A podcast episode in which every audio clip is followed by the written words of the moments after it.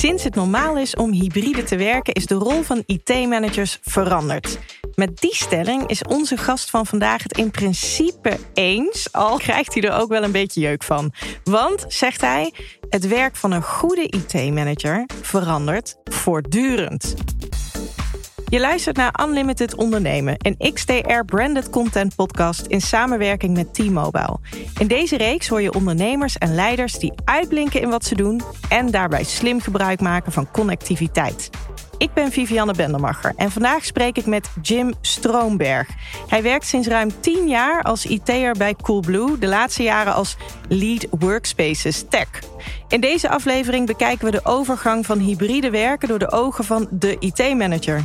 Hoe zorg je er ook op afstand voor dat mensen prettig kunnen werken? En hoe kom je erachter wat ze daar echt voor nodig hebben? Jim, welkom. Dankjewel. Leuk dat je er bent. Hey, en uh, laten we ook maar meteen even met die stelling uh, beginnen, waar jij zo'n uh, zo'n prettige reactie op had. Waarom moet je rol als IT-manager volgens jou altijd veranderen? IT gaat in de eerste plaats over dingen oplossen, zodat mensen ja, niet meer hoeven te doen. Werk simpeler maken. Je bent eigenlijk altijd bezig met verbeteren. Als je rol pas sinds corona is veranderd, dan ben je achtergebleven. Ben je een beetje laat. Oké, maar eh, we kunnen er toch niet helemaal omheen dat corona wel voor hele grote gedragsveranderingen heeft gezorgd, toch? Zeker op kantoor. Dat moet jouw werk dan toch ook beïnvloeden? Ja, dat is zo. Maar er is altijd verandering. Nu was het toevallig corona.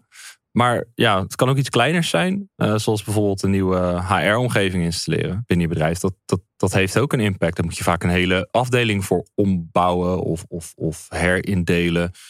En dat, ja, dat heeft veel impact op een, uh, op een bedrijf. Alleen het verschil is nu dat we met de hele wereld dat aan het doen zijn op hetzelfde moment. Ja, tegelijk aan de slag. Neem ons even mee terug naar die eerste lockdown. Even terug in de tijd. Iedereen moest voor het eerst vanuit huis gaan werken, een thuiskantoor hebben. Hoe ging dat bij Coolblue? ja, wij waren er absoluut niet klaar voor. Coolblue is een groeibedrijf. En als IT'er in een groeibedrijf ben je eigenlijk altijd uh, loop je altijd achter de feiten aan. Je bent altijd bezig met inhalen van die groei. Hoezo? Omdat de realiteit verandert. Omdat je, omdat je, je, je bedrijf schaalt en met schalen komen nieuwe problemen. Uh, dus als je van een miljoen naar 2 miljoen klanten of, of 10 miljoen klanten of 20 of 30, maakt eigenlijk niet zoveel uit. Of, het is net als een etentje thuis. Als je thuis nu bepaalt dat je zegt, ik ga twee mensen uitnodigen om thuis te komen eten. Nou, als je bij mij thuis komt eten en ik zeg, ik ga twee mensen uitnodigen.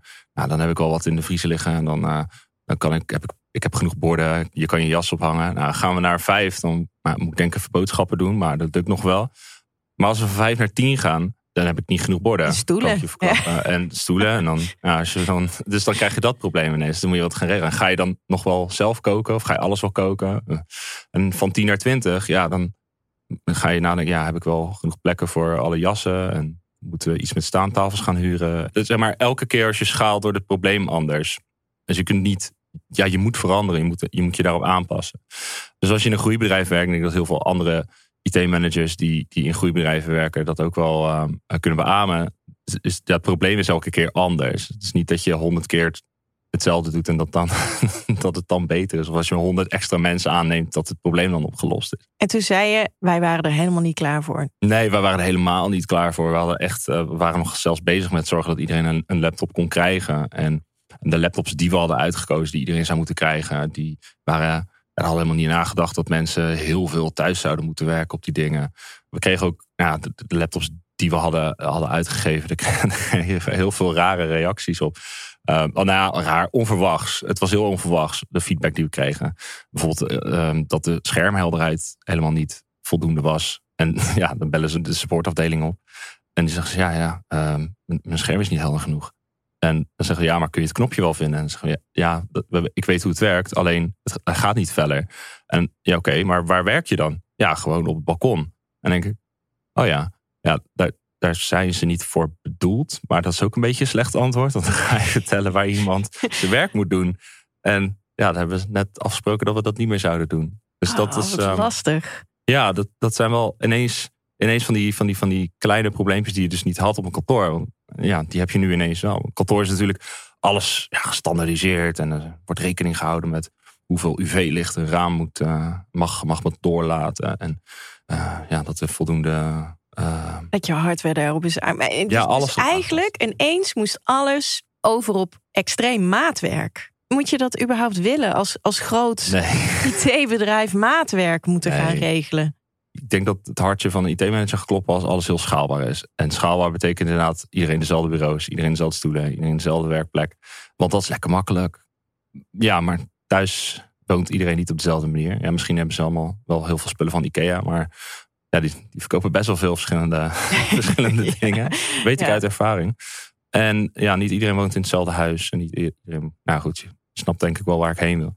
Dus dat, ja, eigenlijk wel. En ik denk, ik denk dat het ook gaat over de rol van de IT-manager. Namelijk, je rol is niet alleen zorgen dat het zo schaalbaar mogelijk is, maar ook zorgen dat je bestaansrecht is dat mensen zo effectief mogelijk hun werk kunnen doen. Je collega's zo effectief mogelijk hun werk kunnen doen. En ja, dat, dat was voorheen voldoende misschien om, om te zeggen, ja, we standaardiseren het hele kantoor. Iedereen op dezelfde laptop, hetzelfde dingen. Maar dat werkt niet meer. Want het is, ja, het resultaat is gewoon uh, niet, niet, meer voldoende uh, als mensen op verschillende vlekken werken. Ja, dat, nee, nee. En hoe, hoe kom je er dan achter hoe je iemand het best kunt helpen? Ik zou het ze gewoon vragen. Dat hebben wij ook gedaan. Hoe doe je dat dan in zo'n grote organisatie? Want hoeveel mensen werken er bij Coolblue? Uh, ongeveer 8000. Ja, ja. Nou, ga maar eens vragen dan. Ja, ja toch moet je het doen. Je zult, je zult iets moeten gaan verzinnen om die mensen te bereiken. Uiteindelijk is het, wat ik net ook zei, het is je baan, je bestaansrecht om te zorgen dat die mensen het beste hun werk kunnen doen. Dus dan moet je denk ik gaan investeren in, ja, in data. In zorgen dat je mensen hebt die aanneemt, die, die snappen hoe je, hoe je deze data kunt vergaren, hoe je daar uh, conclusies uit kunt trekken. Uh, maar heel simpel, ik, ja, wat ik al zei, ik zou het gewoon vragen. Ik zou gewoon een survey uitsturen. Gewoon zo'n, nou, is het, een Google Form of uh, zo'n andere online vragen. En wat voor type vragen stel je dan? Nou, heel divers. Uh, bijvoorbeeld, uh, we vragen ook wel of mensen bijvoorbeeld veel bewegen. ze mogen dat overigens wel anoniem invullen. maar we sturen meestal een, een, een, deel van de koebloers, niet alle 8000, een groot deel wel een survey uit, een vragenlijst. Een wisseling van open en gesloten vragen ja, vragen zoals inderdaad, waar werk je het liefst? Wat vind je, wat vind je prettig? Ga je sporten tussendoor? Hoe ziet jouw dag eruit? Dat zijn vaak open vragen. Maar we halen daar wel hele interessante conclusies uit vaak. Ja. Kan je een conclusie delen of is het geheim? Uh, nee, we kunnen zeker uh, wel een paar conclusies doorlopen, denk ik. We hebben mensen gevraagd. Nu ik niet meer volledig thuiswerk, maar hybride werk. Puntje, puntje, puntje. Daar kregen we eigenlijk als conclusie uit. vind ik thuiswerken makkelijker? Of ben ik thuiswerken meer gaan waarderen? Is mijn werk-privé-balans verbeterd? Waren vaak ook antwoorden. Maar ook is er niets veranderd aan het thuiswerken. Dat liep best wel uiteen. Um, maar de conclusie die we eigenlijk ja, trokken was dat 73% van de medewerkers thuiswerken meer is gaan waarderen. Um, nu ze hybride werken. Daar wil ik zo alles over weten. Daar gaan we zo wat verder induiken. Um, we hebben eerst ook nog een expert vandaag, René Brouwers, directeur van Great Place to Work, een internationaal bedrijf dat zich bezighoudt met ontwikkelingstrajecten en erkenning van goed werkgeverschap. Zijn ervaring met de vrijheid en flexibiliteit van hybride werken kunnen mensen meer uit zichzelf halen. Maar je moet het wel goed sturen en regelen, want anders gaat het ten koste van je mensen en organisatie. En hiervoor geeft hij drie tips. Luister maar even mee. Zet vertrouwen centraal als eerste tip. Zet vertrouwen centraal gaat over dat vertrouwen de centrale bouwsteen is voor elke succesvolle samenwerking. Dus tussen medewerkers en hun leiders en tussen de collega's uh, onderling. En wat wij leren, wat wij zien, is dat des te groter de afstand tussen mensen, des te meer een samenwerking afhankelijk is van de maat van vertrouwen. En daar heb je als leider van een organisatie een centrale rol in. En dat begint echt met luisteren. Dus luister naar je mensen wat ze nodig hebben om uiteindelijk hun resultaten te bereiken. En wat je ziet in hybride werken, is dat je echt verschoven bent van wat we noemen een aanwezigheidsverplichting. Je was verplicht om op kantoor te zijn naar een leveringsverplichting. Dat betekent dat voor mensen heel erg belangrijk is om heel helder te hebben wat wordt van mij verwacht, wat heb ik te leveren. Dus wees daar als leider heel duidelijk in. Luister naar ze. Wat ze nodig hebben om succesvol te zijn en help ze dit bereiken. En als jij ze dat echt een vertrouwen geeft, dan uh, echt gaan mensen er maximaal voor. En dat weten wij niet alleen, maar uiteindelijk alle studies bevestigen dat, uh, dat ook. Tweede tip die ik heb is denk vanuit de groep. Een organisatie is niet een groep individuen. Een organisatie is een groep mensen. Waarbij het succes van de organisatie afhangt van het succes van uh, die groep mensen. Dat betekent dat uh, het uiteindelijk ook afhangt van de meest kwetsbaren in die groep. Dus als je denkt aan hybride werken, gaat het niet over puur de individuele behoeftes. Maar gaat het over dat iedereen binnen de groep niet aan zichzelf denkt, maar denkt wat heeft de groep nodig om als groep succesvol te zijn en daarmee als organisatie succesvol te zijn. Dus doe wat goed is in het belang van de organisatie is een hele belangrijke mededeling of eigenlijk opdracht naar uiteindelijk je mensen die je als leider mee kan geven. Het is dus de verantwoordelijkheid van leiders om dat als toon neer te zetten. Het is uiteindelijk de verantwoordelijkheid van alle mensen om ervoor te zorgen dat de groep beter wordt. Dan laat ik daar een simpel voorbeeld in geven. Als je een bedrijf hebt met heel veel starters, dan hebben die starters uiteindelijk mensen nodig om te leren. Als al hun collega's heel ver weg zijn, dan neemt die leercurve van die groep uiteindelijk af. En daarmee uiteindelijk ook het succes van de groep. Dus denk constant na vanuit de groep. Blijft die zich goed ontwikkelen, ook in een hybride vorm. En als derde tip kan ik meegeven: ontwikkeling gaat uiteindelijk sneller dichterbij. Onderzoeken laten gewoon zien, des te dichterbij mensen bij elkaar zijn, des te meer interactie er plaatsvindt en des te hoger de leercurve. Dat betekent niet dat ik hiermee zou willen zeggen: kom naar uh, kantoor allemaal, want je moet leren. Maar betekent dat ik alle leiders wil uh, aanmoedigen om na te denken op welke momenten is het van belang dat de groep, dat individuen leren en zorg dan dat die mensen die van elkaar moeten leren ook op die momenten bij elkaar zitten. Dus zet vertrouwen centraal, denk vanuit de groep. En ontwikkeling gaat sneller als je dichterbij bent. En natuurlijk, in die end, iedereen is anders. Dus het is heel erg van belang dat je als leider toch echt nog ook naar die individuele behoeften luistert. En daarna handelt, dit bespreekbaar maakt en op basis daarvan ontwikkelt. Want uiteindelijk als leider wil jij de beste mensen. Maar het zijn de beste leiders die de beste mensen weten aan te trekken, te ontwikkelen en te behouden. Dus het begint uiteindelijk toch echt voor een heel belangrijk deel bij jezelf. Al dus René Brouwers, directeur van Great Place to Work. Nou, Jim, wat vind je? Ja, met hem wil ik wel werken. Ja, ben je het met hem eens? Absoluut. Toch zat er, er zat ook wel ergens een spanning in. Hè? Dus dat je dan, jij, jij zei net, uit de data bleek dat mensen thuiswerken eigenlijk wel heel fijn vinden. Die werk-privébalans is helemaal toppie. En, en nu hoor je René zeggen, als iedereen thuis werkt, dan zeker starters, dan neemt die leercurve misschien af. Is niet makkelijk. Nee, zeker niet makkelijk. Om toch nog even de data erbij te pakken. Wat we zagen is dat als je in het begin van corona, dus dat was maart geloof ik, eind maart uh, 2020, uh, toen moest iedereen thuis gaan werken. En toen zijn we eigenlijk al heel snel begonnen met: oké, dit, dit gaat langer duren dan een paar weken. En, en heel even voordat je verder gaat, Ja. voordat dat moment ontstond, werkte iedereen toen fulltime op 100% kantoor? Op kantoor. Ja, zeker. Ja, dus Ja. het was echt een uitzondering om thuis te werken. oké, Ja. ga verder. Alleen wat we bij ontwikkelteams, wat we vaak zagen, is dat zij ehm, ja, de drie maanden nadat we eh, allemaal thuis begonnen te werken, echt keihard gingen leveren. Echt, echt veel meer eh, voor elkaar krijgen en ook vroegen om, om meer werk. En dat was best wel bizar om te zien. En we dachten allemaal, ja, dit is het. We moeten allemaal, waarom doen we, waarom hebben we nog een kantoor? Iedereen is thuis zoveel productiever. Iedereen is thuis zoveel productiever, ja. En dat hoor je ook vaak. En dat is ook vaak het argument van mensen. Maar wat gebeurt er? Ongeveer, nou, dat hield, het verschilde een beetje per team. We hebben ongeveer 50 ontwikkelteams. Het verschilde een beetje per team. Maar we zagen dat gemiddeld na drie maanden... dat die teams ineens ja, gingen underperformen... ten opzichte van pre-corona. En dat, Dus je had pre-corona, was oké. Ja, als een Toen baseline, kwam zeg maar. corona, wow, ze gingen door het dak qua productiviteit. Ja. En na drie maanden gingen ze zelfs onder het pre-corona. ja, klopt. Eh, Hè? Ja, ja, ik zag dat in, eh, in mijn teams ook veel gebeuren. En dat heeft, nou ja, goed, waar, waar ik denk wat het mee te maken heeft, is dat ehm, uiteindelijk is je creativiteit op. Dus je bent vaak wer- werk je vooruit. Althans, wij, wij werken Agile Scrum. En dan werk je toch wel, ja, je gaat toch wel een beetje vooruit plannen, een beetje vooruit werken, een beetje roadmap maken. En er zit gewoon heel veel creativiteit in, heel veel afstemming. Even zo'n zo'n koffiegesprek van vijf minuten of eh, even tussen, tussendoor tijdens het tafelvoetballen.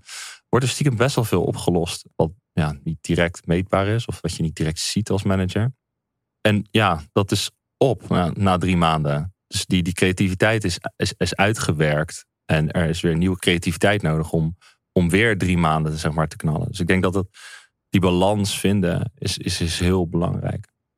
Dit vind ik zo goed dat je dit zegt. Want ik, ik weet dat er luisteraars zullen zijn die over de IT-wereld denken: Nou, dat is gewoon beuken, dat is gewoon productie draaien. Daar heeft creatie en creativiteit niks mee te maken. Dat is dus wel zo. Ik ben van mening dat het absoluut zo is. En ik, ik zie dat ook in mijn teams en de, en de teams binnen, binnen. Ja. Creativiteit is belangrijk. Zijn, zijn er meer interessante data die jij hebt uitgevonden waar we, waar we van kunnen leren? Ehm, ja, het is alleen heel veel. um, even kijken. Doe er eens drie. Er is drie. Probeer wel even te zoeken of het iets is wat ook een beetje uh, reageert op het uh, fragment van zojuist. En dit is wel leuk uh, om te weten, luisteraar, want dit, dit zien jullie niet. Maar hij is nu gewoon real-time door zijn data heen en scrollen. Dus zijn heel interessant. We hebben dus ook niet alleen mensen op de werkvloer gevraagd om een survey in te vullen, maar we hebben net iets aangepaste survey naar leidinggevenden gestuurd. Om ze te vragen hoe zij leidinggevenden op afstand ervaren. Mm-hmm. Concrete vraag dan, wat zijn nu, uh, wat zijn voor jou als leidinggevende de belangrijkste uitdagingen nu jij en jouw teamleden hybride werken? 45% antwoord daarop inschatten hoe mijn teamleden zich voelen. En het tweede populaire antwoord is uh, zorgen voor voldoende communicatie binnen het team. En ja, ik denk dat die wel heel erg verbonden zijn met elkaar. Uh, als je als je zegt als leidinggevende, ja, ik vind het lastig om te zien hoe mijn team zich voelt of hoe mensen zich voelen. En ik vind het lastig om communicatie te organiseren. Dan denk ik dat dat wel met elkaar te maken heeft. Ja, absoluut. Ja. En ook wel heel, heel moeilijk oplossen als je echt alleen maar kunt communiceren via een scherm. Ik heb dat zelf ook wel altijd als lastig ervaren. ik ben al iemand die minimaal drie keer per week naar kantoor gaat. Of nou ja, naar kantoor in ieder geval zorgt dat hij zijn, zijn mensen ziet. En dat kan op kantoor. Maar dat kan ook buiten kantoor of bij mij thuis of bij hun thuis, als ze dat prettig vinden. Toch dat etentje dan bij jou? Ja. Met iets meer dan vijf mensen, vermoed ik dan. Ja, ja. Dat wordt boodschappen doen. Dat wordt boodschappen doen. Oké, dus een survey uitsturen, die snap ik als je een heel groot bedrijf bent. Maar ik kan me ook voorstellen, er zitten nu luisteraars te luisteren die zeggen: joh, ik heb maar een heel klein bedrijf. Misschien heb ik uh, 20, 50 man personeel die mensen komen echt wel naar mij toe als ze niet blij zijn. Dan hoef je toch geen survey voor uit te sturen? Ja, ja, die vind ik altijd wel uh, leuk om, uh, om te Die hoor ik ook vaak. Maar, ja, ik, uh, ik ken iedereen en iedereen komt altijd naar me toe. geen probleem. Ik weet precies wat er speelt op mijn afdeling. Ja. En ja, toch blijkt dat niet zo te zijn. Je, waar je vaak mee te maken hebt, is, ehm, ja, zoals ik toch een beetje oneerbiedig noem, is de schreeuwers. De mensen die altijd met een probleem veel groter maken dan dat het is. En daar eigenlijk helemaal geen ja, feitelijke data voor hebben. Dus het creëert wel urgentie. En op dat moment ben je bezig met werk niet doen, wat je eigenlijk wel beter had kunnen doen. Dus je bent, je bent eigenlijk je impact aan het verliezen, omdat je, omdat je naar schreeuwers aan het luisteren bent, of iets aan het oplossen bent wat ja, niet zoveel impact heeft. Dan ga je misschien wel brandjes blussen die er helemaal niet zijn. Correct. Dus ja. dan zeg jij wel een survey doen, ook al is jouw bedrijf misschien maar uh, nou, 50 man groot, omdat je dan koude data ophaalt en die vertelt een een groter verhaal dan die ene schreeuwer. Absoluut. Ja. ja, absoluut. Begin zo snel mogelijk, zo vroeg mogelijk. Ook als je bedrijf misschien nog maar twintig mensen is zelfs. Begin met data verzamelen. En het is namelijk ook heel interessant te zien wat er gebeurt op het moment dat je van 20 mensen naar, naar 40 of naar 100 mensen groeit. Of juist niet. Ja, wat gebeurt er over de jaren heen? En kun je eventuele verschillen in die datamomenten, zoals als je één keer per jaar maar een survey uitstuurt, kun je die verschillen verklaren in antwoorden op je vragen. En dat is vaak wel interessant. Ja, en nu zei je net al eventjes, uh, volgens mij noemde jij Google Forms. Uh, noemde je nou nog een tool? Want data verzamelen hoeft ook niet een mega dossier te worden. Je kunt klein beginnen, toch? Heb je daar nog een tip voor, voor de kleinere bedrijven? Ja, je hebt uh, volgens mij ook SurveyMonkey. En ik geloof dat Microsoft sinds kort ook, uh, ja, ik ben een beetje een Google Workspace persoon, maar dat Microsoft sinds kort ook een uh, er zijn genoeg tools te vinden om, om, om surveys makkelijk te maken. Ja. Dus, Typeform heb je ook nog. Dus ja, begin gewoon. Begin gewoon, tip. ja. Je hebt iedereen er nu van overtuigd. Ze moeten data gaan ophalen, of je nou een klein of een groot bedrijf bent. Heb je nog een paar tips met hoe je dat het best kunt doen? Ja, stuur eigenlijk altijd een combi van uh, gesloten, maar ook open vragen. Je wilt toch vaak een beetje de context weten. En zeker in het begin, als je hier net mee begint. Want wat bedoelen mensen nou echt als ze ergens ja of nee of een 1 of een 10 geven voor een statement? Ja, wat, wat, wat zit daarachter? Anders kun je het natuurlijk alleen maar voor ze invullen. Uh, dus stuur, stuur een combi van gesloten en open vragen. Mail nooit het hele bedrijf, maar altijd selecteer een groep. Wel zo wisselvallig, zo random mogelijk. En waarom nooit het hele bedrijf? Is toch lekker makkelijk? Ja, nou, de mensen worden antwoordmoe. Als je, stel dat jij vijf surveys hebt die je wilt, uh, waar, waar je over, ja, over de komende jaren data over wilt verzamelen, dan worden mensen antwoord. Als ik, als ik vijf surveys in een kwartaal moet invullen, dan word ik echt. dan ben je er wel klaar mee. Ja, dan ben ik best wel klaar mee. Ja, ja. dat snap ik. En uh, als laatste, benader mensen die de survey niet anoniem hebben ingevuld. Ja, door te vragen. Dan ga, ga gewoon naar ze toe. Benader ze en vraag: ja, hoe zit het precies? Uh, of wat bedoel je hier? Het is ook wel fijn als mensen weten: hé, hey, er wordt iets met mijn antwoord gedaan.